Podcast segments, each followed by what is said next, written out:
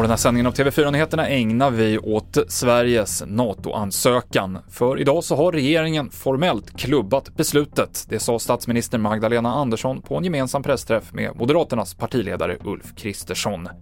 Regeringen har också lagt fram en proposition om att Sverige ska kunna ta emot militärt stöd under tiden som NATO behandlar Sveriges ansökan. Sverige kommer befinna sig i ett utsatt läge under tiden som vår ansökan behandlas.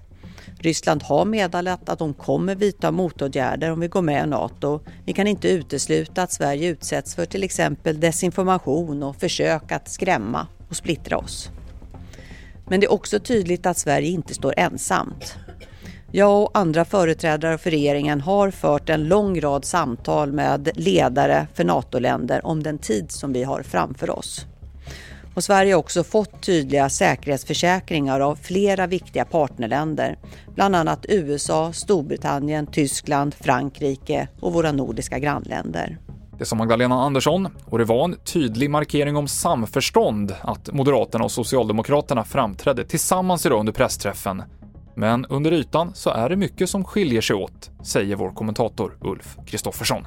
För att eh, Kristersson, moderatledaren, säger han, han känner stor glädje över det här. Moderaterna har ju velat gå med i NATO i 20 år. Eh, medan då eh, Magdalena Andersson betonar att hon förstår dem som är tveksamma till det och eh, pratar om vemod och Socialdemokraterna har ju svängt de senaste månaderna. Så sent som i november när hon valdes till partiledare så var partiets officiella hållning att man absolut aldrig skulle gå med i NATO.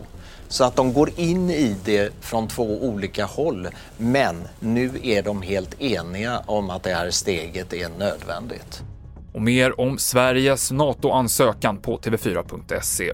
Vi avslutar med att berätta att idag på Ronalds namnsdag så säger McDonalds att man har inlett processen med att sälja sin verksamhet i Ryssland. Det handlar om 850 restauranger med 62 000 anställda och tanken är att en lokal köpare ska ta över.